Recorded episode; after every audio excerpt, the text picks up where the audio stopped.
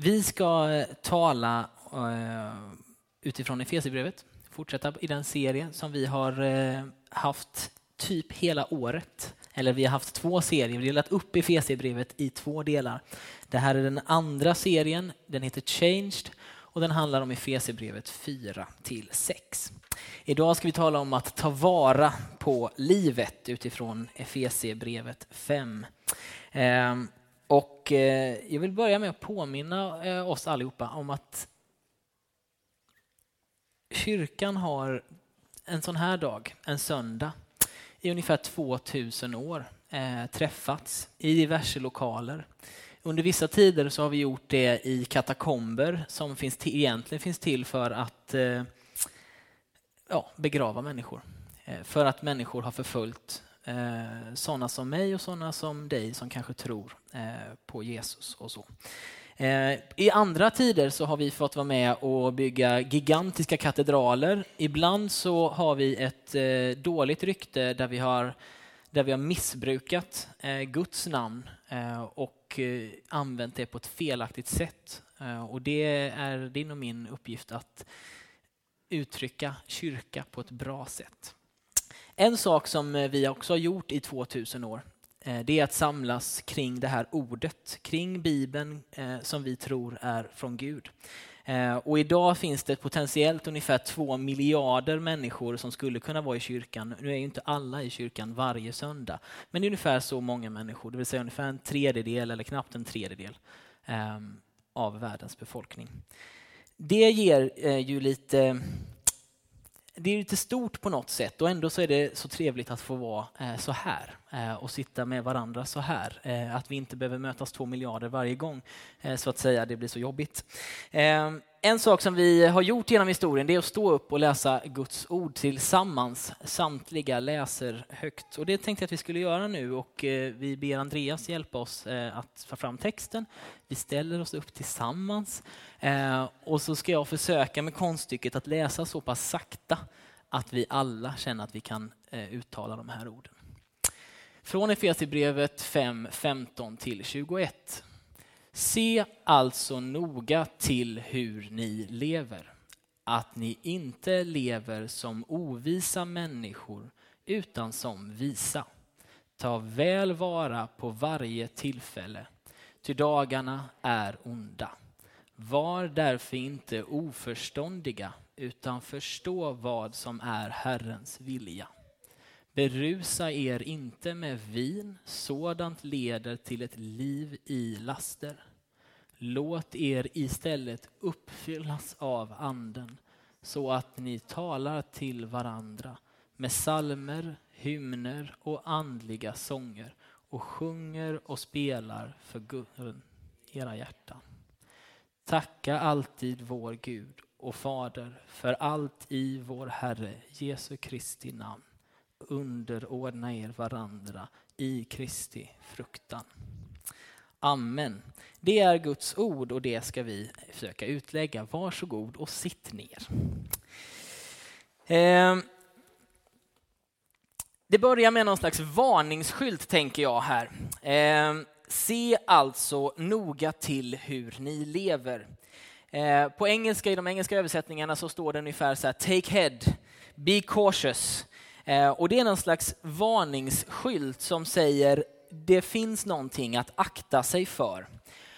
Den, eh, jag, som jag förstår det och, och som eh, typ alla kommentarer säger så är den här texten baserad på den första versen i det fjärde kapitlet i Efesierbrevet där det står att Paulus uppmanar Efesierna att leva värdigt sin kallelse. Och så att det här är liksom en, en ytterligare en förklaring av vad det är att leva värdigt sin kallelse. Eh, det finns en liten rolig eh, berättelse om eh, några av er har nog säkert eh, hört och sett den här på Youtube. Eh, det är en kvinna som ringer till en radiostation eh, och hon har sett ett antal varningstrianglar med såna här, det här, det, det är liksom deers som går över vägen här. Och hon ringer till det här radioprogrammet och berättar att hon har varit väldigt olycksdrabbad och att hennes försäkringsbolag är något eh, putt på henne. För tre gånger på samma vägsträcka så har hon krockat med eh, någon slags rådjur. Och eh, hon förklarar det här med ganska kraftig inlevelse och tycker att det är för fruktansvärt och sådär. Och de tycker också att det är, det är ju verkligen tråkigt. Medans, men, men sen kommer det fram vad det är hon tycker är irriterande. Och det är att de har ställt de här skyltarna där. Det, för det, I hennes värld så signalerar det för de här rådjuren att ni kan gå över här.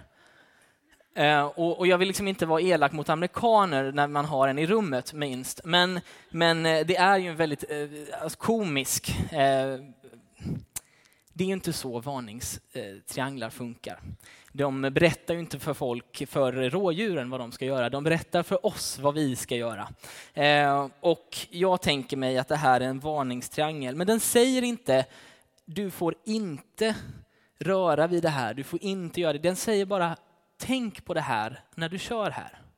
Den säger, tänk på de här, liksom, de här vägunderlaget är ofta isigt här. Det betyder ju inte du får inte köra här. Det betyder var försiktig, tänk efter, känn lite på bromsen, känn lite på gasen, vad händer? Eh, och jag tänker att det är det här, med, det här med att leva ovärdigt sin kallelse. Det tänker jag är ungefär som, alltså det, det är något ofräscht med kristna som inte lever upp till liksom någon slags allmän accepterad norm. Inte liksom det här, vi är jättepretto och bara fina. Utan när man på något sätt inte lever upp till namnet. Ni vet när eh, poliser eh, börjar råna eller eh, gör register över ras, människor som inte liksom tillhör exakt samma etniska folkgrupp som en själv. Det tycker man ju är problematiskt. Eh, man tycker att det är problematiskt när domare eh, istället för att döma eh, unga killar eller tjejer som har gjort dåliga saker bestämmer sig för att nej men vi vet ju inte om tjejen ville vara med på det här eller inte, så därför så är inte killarna skyldiga till en våldtäkt. Vi tycker att det är problematiskt. Och vi tycker att det, och Paulus liksom vill någonstans säga, lev värdigt er kallelse, se upp, tänk lite. Eh, jag tänker att det har en del del med det som du sa någonting om Linda förra veckan. Nej, för förra veckan, förlåt. Eh, att frukta Gud. Att inte bara eh, oh, Jesus is my homeboy, utan att också ha en någon slags äh, men jag, Gud är above me och jag eh, har en, en, inte bara så här allting är sockersött relation, utan jag har en relation till Gud som är mer än så, som, som faktiskt det finns en spänning i, så att säga. Ja, det var helt enkelt det. Jag tror Paulus säger, tag varning, tänk på detta, glöm inte vad ni lever, hur ni lever. Typ så. Vi går vidare till vers 15b till 16. Ehm, och där står det så här, att ni inte lever som ovisa människor utan som visa. Tag vara på varje tillfälle, ty dagarna är onda.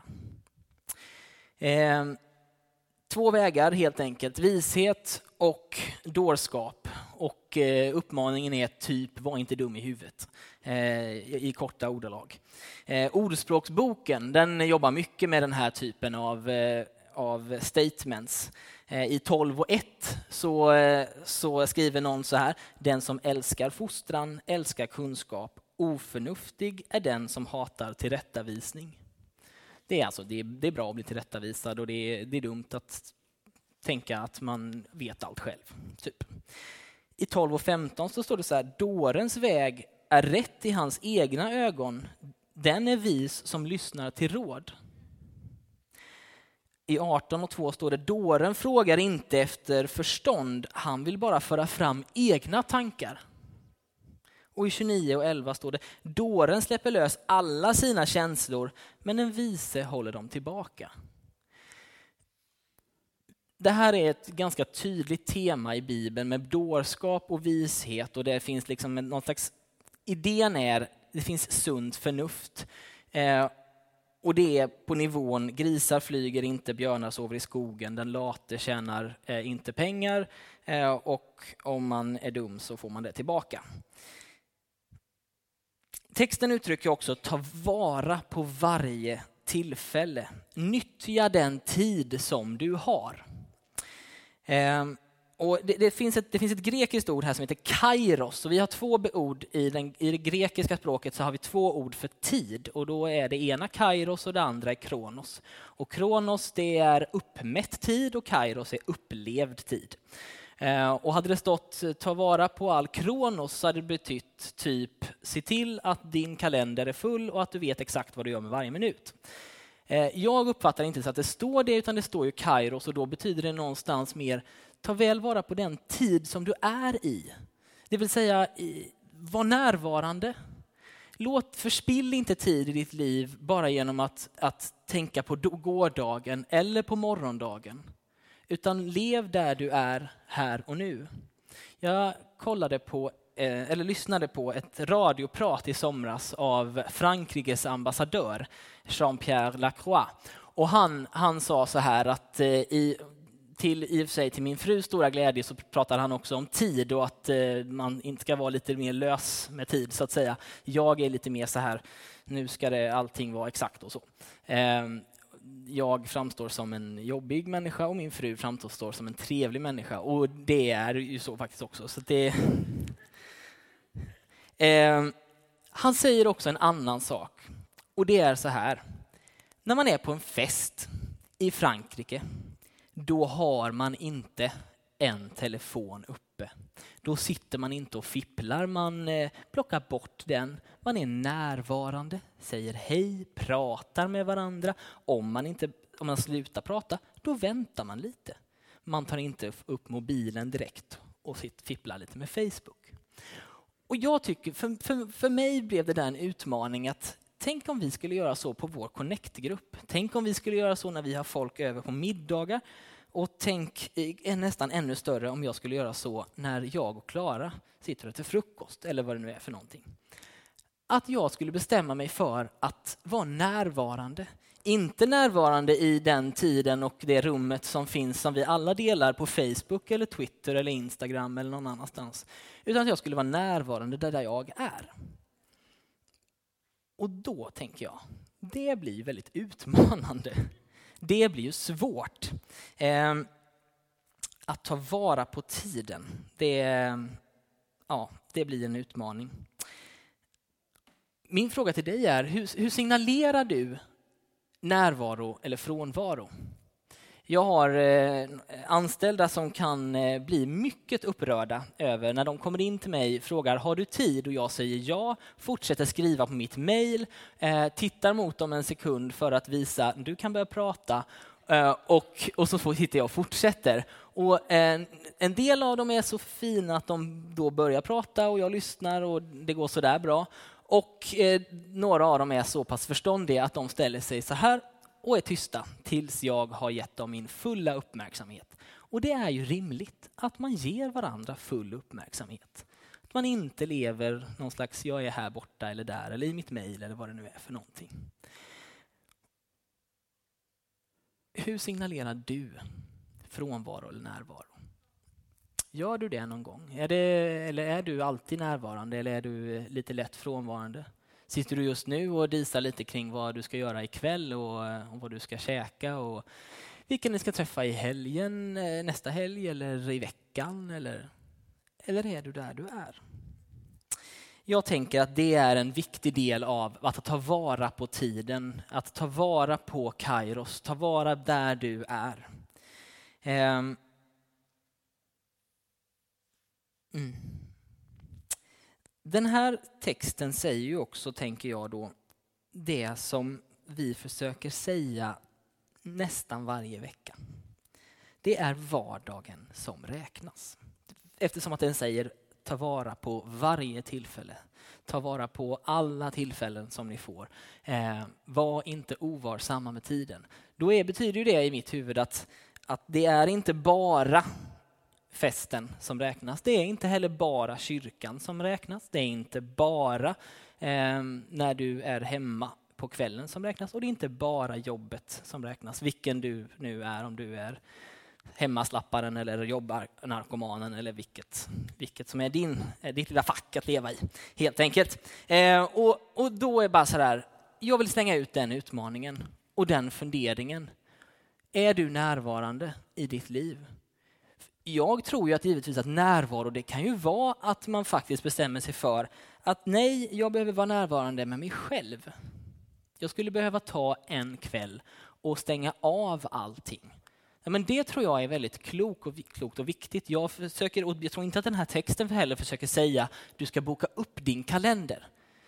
Det kan den också säga eh, till någon säkert, men, men den säger inte det enkom, utan den säger ta väl vara på den tid du har. Eh, jag tror att det handlar om ett perspektivskifte. Eh, och det, de här dagarna är onda grejen som vi har i texten. Det, är ju, det handlar ju om ett sätt att förstå verkligheten. Att dagarna är onda, det betyder typ vi lever i en tid som, som är som leder upp till något annat. Och allting i den här tiden är inte liksom happy clappy, allt är jättebra. Och det vet ju vi allihopa. Och det är det Paulus säger dagarna är onda eller dagarna är få eller dagarna är inte liksom lysande, så se till och använd tiden väl. Lev i vardagen. Det här perspektivskiftet, det handlar ju så mycket om vad, hur jag tänker. Luther han sa en gång, i alla fall så sägs det att han sa att om jag visste att Jesus skulle komma tillbaka imorgon, då skulle jag ändå plantera mitt äppelträd idag. Eh, det signalerar någon slags eh, jag vill eh, leva här och nu. Och det där visar sig också hos min polare vars, vars svärfar har fått någon slags magcancer. Och han vet att han har någon slags typ 24 månader kanske kvar, eller 12, jag vet inte exakt. Men man kan säga att han lever livet to the full. Han, eh, han åker motorcykel i mängder. Han eh, är ute och kampar. Han gör en massa grejer. Han tar vara på varje tillfälle. Och jag tror att vi gör det om vi förstår i vilket perspektiv vi står i. Alltså ett perspektivskifte är ju någonting jag sett som något vanligt, men nu så ser jag det ur ett annat perspektiv, ett annat, ur en annan vinkel. Jag såg i, eh, i, i fredagskväll så var jag på en eh, liten mingeltillställning och då så var det, det var någon eh, polare som hade hyrt den här längst upp i Södertorn, det som ligger vid eh, Medborgarplatsen.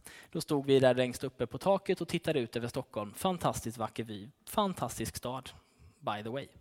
Eh, jag tänker alltid att min lägenhet känns på något sätt nära stadshuset trots att den ligger liksom längst bort på Kungsholmen åt andra hållet i och för sig. Men det känns inte så långt ifrån. Men när jag stod där så insåg jag att det var väldigt stor distans. Och helt plötsligt i det perspektivet så verkade det som att de här lyftkranarna som är uppe vid Norrtull och vid Karolinska, de verkade väldigt nära. Eftersom att jag stod i en annan vinkel. Det vill säga i en annan vinkel, i ett annat perspektiv så kan saker och ting se annorlunda ut. Och det är precis det som händer, perspektivskiftet. Dagarna är onda. Du och jag behöver ta vara på våra liv. Fundera på, slösar jag bort mitt liv eller lever jag det fullt ut?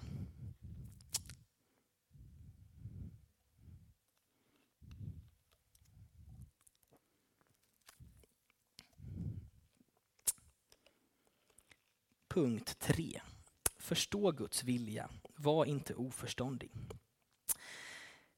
Vers 17 säger så här, var därför inte oförståndig utan förstå vad som är Herrens vilja. Det här är någonstans, här går vi till djupare än sunt förnuft. Nu går vi till det som är Guds uppenbarade vilja. Och vad är då Guds uppenbarade vilja? Vi tror ju så lätt att Guds vilja handlar ju om eh, Eh, Gud, eh, vad han vill just för mig och mitt liv i mitt lilla dagliga liv. Eh, det är ju alltid det det handlar om. Vi sitter på nålar och undrar om, om Gud vill att jag ska resa dit, eller om jag ska bo där, om jag ska ta det här jobbet, om jag ska träffa den här människan, eller om jag ska gå över gatan nu, eller om jag faktiskt ska ta nästa korsning. Så. Det är liksom, ibland hamnar vi ju väldigt så här, här är Guds vilja.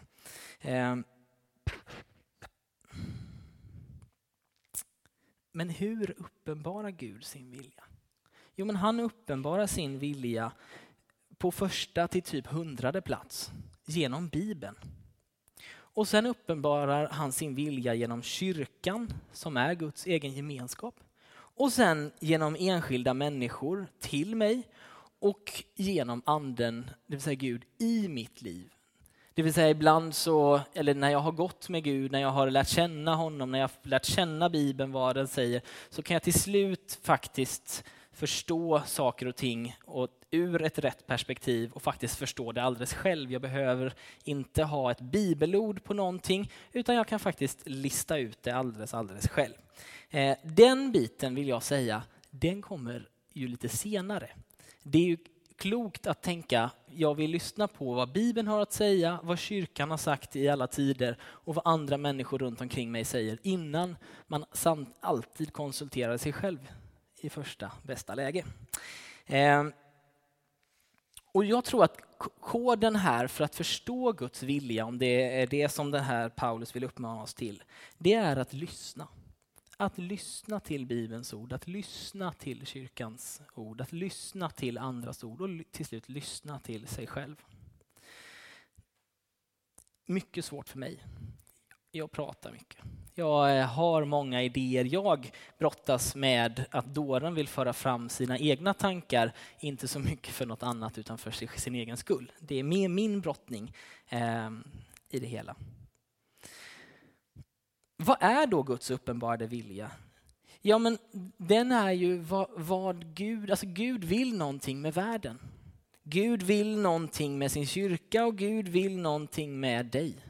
Det är det som Gud uppenbarar i sin vilja i till exempel genom Bibeln, genom kyrkan, genom andra människor och genom dig själv.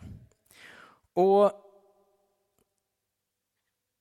jag skulle vilja bara läsa ett bibelord egentligen eh, om det där så att ni har fått se ett exempel. Sen så förstår jag att ni alla är eh, läskunniga och klarar av att läsa det alldeles själva. I första Timoteusbrevet 2, 1-4 står det så här. Först av allt uppmanar jag dig till bön och åkallan, förbön och tacksägelse för alla människor, för kungar och alla i ledande ställning, så att vi kan föra ett lugnt och stilla liv, på allt sätt gudfruktigt och värdigt. Sådant är rätt och behagar Gud, vår frälsare, som vill att alla människor ska bli frälsta och komma till insikt om sanningen.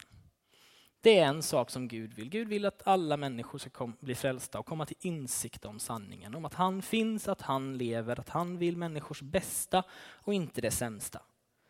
Det, sen finns det ju hur mycket som helst och det går vi inte in på. Men där finns det något att ta med sig.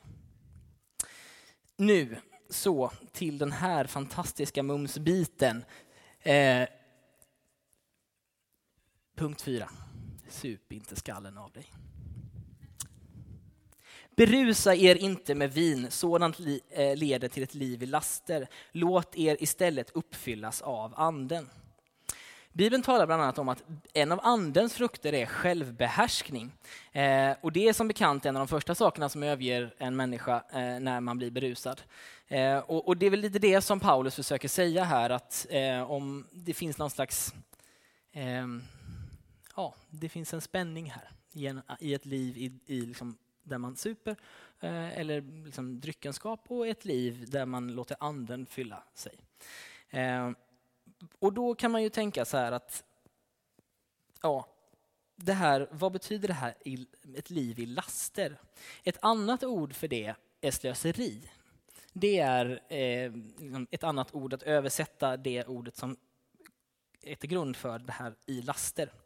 Eh, och att slöseri, det är alltså ett slöseri av tid, av livet.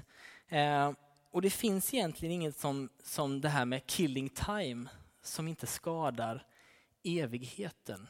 Alltså ett slöseri som, ja, slöseri är aldrig bra helt enkelt. Jag vet inte om jag behöver säga det enklare eller svårare än så. Eh, och att berusa sig med vin är alltså ett slöseri. Det är motsatsen till att noga se till hur man lever. Och noggrannhet är ju inte en, vanligtvis en av konsekvenserna av berusning. I alla fall inte i de nära och kära som jag har. Eh, det brukar inte bli, man brukar inte bli mer noggrann. Man brukar inte bli mer eh, genomtänkt och smartare. Man brukar bli mer, mer naiv, mer känslomässig, eh, mer utspelande. Eh, och det verkar vara en dålig idé enligt Paulus. Dock så skulle jag vilja säga en sak här. Det finns de som vill vränga de här orden till att betyda du ska inte bruka alkohol eller vin, vilket man nu tänker att texten säger. Eh, istället för det som texten säger, du ska inte missbruka alkohol eller vin. Eh, och det, för det finns ju de som njuter av en Jack Daniels och så finns det de som tröstar sig eller dövar sitt samvete eller sin sorg med en Jack Daniels. Och det är två vitt skilda saker, skulle jag vilja säga. Eh, om kristna inte hade brukat vin, då hade Paulus aldrig varit tvungen att varna för att missbruka det. En del är så dumma att de vill påstå att det inte finns alkohol i det vin som Bibeln talar om. Och det skulle jag vilja gå till rätta med eh, och det skarpaste, så att säga. Eh, jag tycker nämligen att du i så fall, om du tillhör dem, så tycker jag att du ska fundera på varför Paulus varnar för det.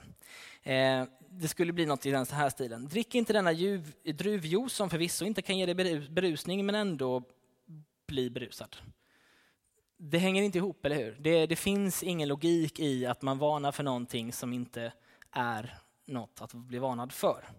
Eh, och om Bibelns vin inte innehöll alkohol, då undrar jag varför det står att de blev fulla av nattvarden eh, i Korinthierbrevet 11. För i så fall måste det varit brödet som de blev fulla av om inte det var alkohol i vinet. Och det är ju en orimlighet helt enkelt. Så det är så. Eh, Bibeln förbjuder alltså inte drickandet av alkohol och det ska vara, vara väldigt tydligt. Paulus uppmanar Timoteus att ta vin för sin mage. Eh, Jesus gör 600 liter vatten till vin när eh, allting annat är slut och de säger det här var det bästa vinet, also known as. Det här var det starkaste vinet. Eh, Jesus anklagas för att vara frossare och drinkare i Lukas. Eh, och det vill säga att Jesus älskade livet och vad det hade att ge, både gemenskap, mat och dryck. Och när han ska, till slut ska instifta sin påminnelsehögtid, han ska liksom fixa ett av de sju sakramenten i den katolska kyrkan eller ett av de två sakramenten i den protestantiska kyrkan, då instiftar han det med bröd och med vin. Eh, jag vet inte om jag behöver bli tydligare. Eh, Däremot nu då så talar Paulus mot missbruk av alkohol. Vi skulle göra klokt i att tala om missbruk, punkt, ibland. Mot missbruket av socker, som jag eh, personligen har ett problem med. Eh, mot missbruket i relationer. Mot missbruket av makt, mot missbruket av mat och mot missbruket av pengar. Vi skulle göra klokt i att tala om de sakerna också. Eh, att tala om missbruk. Eh, I en global collegeundersökning så visade det sig att judar har minst problem med alkohol. Och då undrar man ju lite så här, varför har judar minst problem med alkohol? Och då ska jag berätta för dig att judar de har en skapelseteologi som i princip säger så här.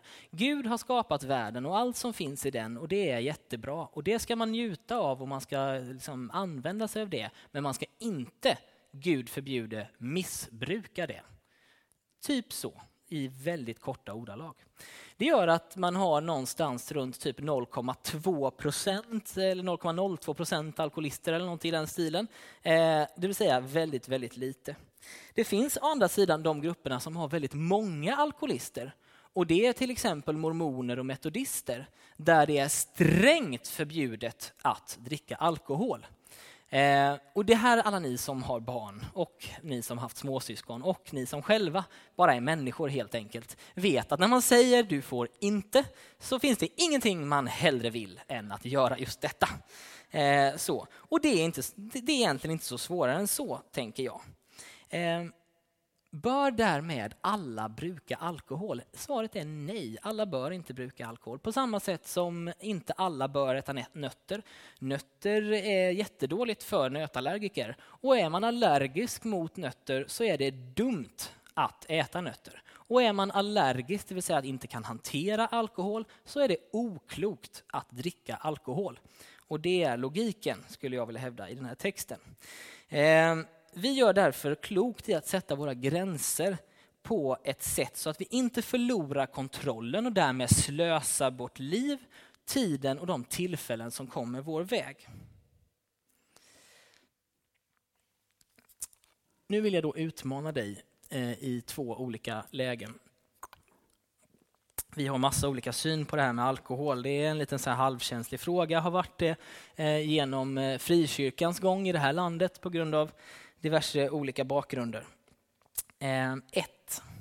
Om du är med på medvetet och goda grunder har valt att inte förtära alkohol så respekterar jag dig högt för det. Om du har gjort det av religiösa skäl så vill jag ge dig en liten kort varning. Eh, att se till att ditt avståndstagande från alkohol inte blir till grund för fördömelse, varken i ditt hjärta mot andra människor eller hos andra människor som ser ditt avståndstagande. Se till att göra det på ett klokt sätt och ett ödmjukt sätt. Använd huvudet helt enkelt. Om du vet att du har lätt att gå för långt med alkoholen, det vill säga du använder gärna alkoholen som en tröst, som ett medel att bota eller att eh, trycka undan din smärta. Då gör du klokt i att faktiskt tala med någon annan. Du skulle förmodligen behöva prata om det i din connect. Om det känns för stort, prata med det med, med en kompis, en ledare, en människa som finns nära i ditt liv. Du behöver förmodligen någon som säger vi behöver sätta gränser i ditt liv och för att du ska kunna hantera det här på ett bra sätt. Eh, och Det tror jag är liksom de två ytterligheterna. Och om du finns i någon av dem eller i närheten av dem, ta till dig de orden och fundera på vad det kan innebära i ditt liv. Till eh, min sista punkt. Motsatsen till detta, det här livet i dryckenskap, det här eh, att behärskas av alkoholen eller något annat. Eh, det är enligt Paulus att bli uppfylld av anden. Och hur blir man då det? Jo, då står det så här. Eh, att låt er istället uppfyllas av anden så att ni talar till varandra med salmer, hymner och andliga sånger och sjunger och spelar för Herren i era hjärtan. Tacka alltid Gud och Fader för allt i vår Herre Jesu Kristi namn. För det första vill jag säga att när jag läser den här grejen så blir det liksom någon slags kumbaya-grej. Eh, så, så känner jag inför det här. Det låter så här lite så här sött och käckt och trevligt och man vet inte riktigt. Det, det på något sätt så är det lite så här att det liksom vill säga att om man är kristen då ska man eh, gå runt med en liten fiol på eh, så här och spela lite trevligt och vara lite käck och glad. Och det är också så som himlen kommer se ut när små änglar sitter med harpor och hela kittet ni vet. Eh, och det är ju givetvis inte så det ska uppfattas, men, men jag kan inte hindra mig själv från att läsa det eh, så. Det som egentligen står, det är om man är vis, förståndig och förstår Herrens vilja och att dagarna är onda, slash korta, vad gör man då? Jo, man ser till att tala gott om varandra. Man ser till att tillbe Gud från sitt hjärta. Man ser till att tacka Gud för och njuta av livet.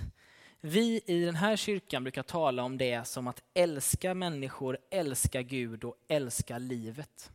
Det är någon slags grundtes som vi har om att uttrycket av det kristna livet, det är just de här tre. Att älska Gud uppåt, människor utåt och livet inåt och utåt, vad det nu hur, i alla dess former och färger som det kommer, helt enkelt. Eh, om din hållning till de, de här teserna inte är att ja men så där är det. Eh, då kanske du, du kanske behöver en dimension till helt enkelt.